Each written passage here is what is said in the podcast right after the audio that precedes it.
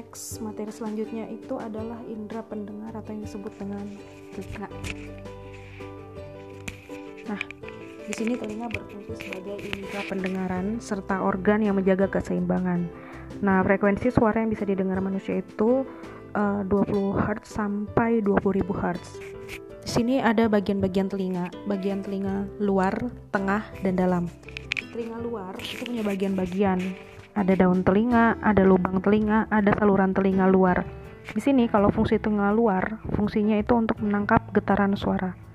Kedua, ada telinga tengah.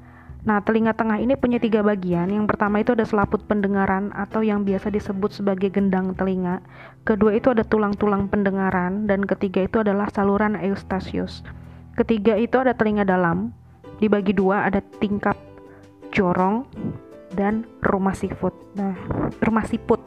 Nah, di sini fungsinya itu untuk meneruskan rangsang suara ke otak.